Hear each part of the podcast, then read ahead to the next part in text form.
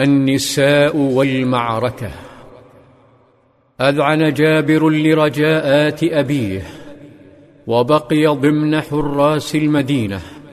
فحراسة الوطن عمل جهادي يقول عنه صلى الله عليه وسلم عينان لا تمسهما النار.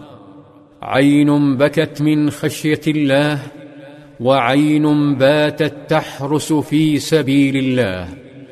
ترى هل هو الوداع الأخير؟ والد جابر يظن ذلك ويوصيه قائلا ما أراني إلا مقتولا في أول من يقتل من أصحاب النبي وإني لا أترك بعدي أعز علي منك غير نفس رسول الله وإن علي دينا فاقض واستوص بأخواتك خيرا. كلمات أثقلت كاهل الشاب وثقافة جديدة جاء بها الإسلام تلغي قسوة الوأد الوثنية وتلغي الاحتقار المسيحي اليهودي للأنثى. ثقافة راقية تقول من عال جاريتين دخلت أنا وهو الجنة كهاتين وأشار بأصبعيه فكيف بمن عال تسع فتيات؟ خرجت كلمات الشيخ الحزين كالجمر لكنها لم تخفف النار المستعرة بين أضلاعه. لقد استبد به الحزن على بناته حتى اضطر لتناول شيء قد يخفف فراقه لتلك العيون البريئة.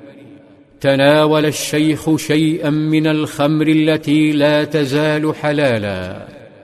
علها تخفف حزنه حتى تحين ساعة العراك يقول جابر اصطبح والله أبي يوم أحد الخمر ثم غدا فقاتل. قد لا يكون والد جابر هو الوحيد الذي فعل ذلك هذا الصباح. فجابر يقول لقد صبح أناس غداة أحد الخمر. بعد ذلك توافد الجميع نحو قائدهم ولما اجتمعوا بدأ بفرزهم فأعاد الأطفال الذين لم يبلغوا مثل عبد الله بن عمر. وأمر الضعفاء وكبار السن أمثال والد حذيفة بن اليمان وثابت بن وقش بالمرابطة في المدينة وحراستها.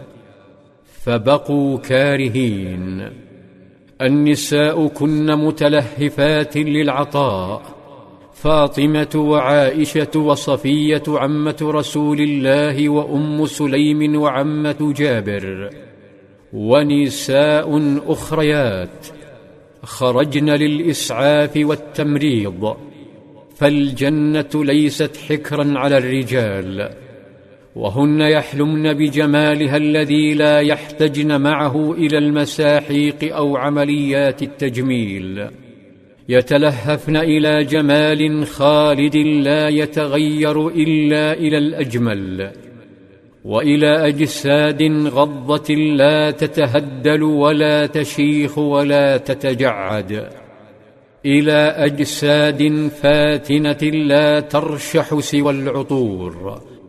يتلهفن إلى التسوق فيها. فقد أخبرهن صلى الله عليه وسلم أن قطعة من أزياء الجنة أثمن وخير من الدنيا وما فيها. التف عاشق الجنة حول قائدهم ثم تحركوا نحو أحد وأثناء سيرهم حدث زلزال خطير في الطريق أوقفهم فارتفعت الأصوات وارتجفت القلوب فما الذي حدث؟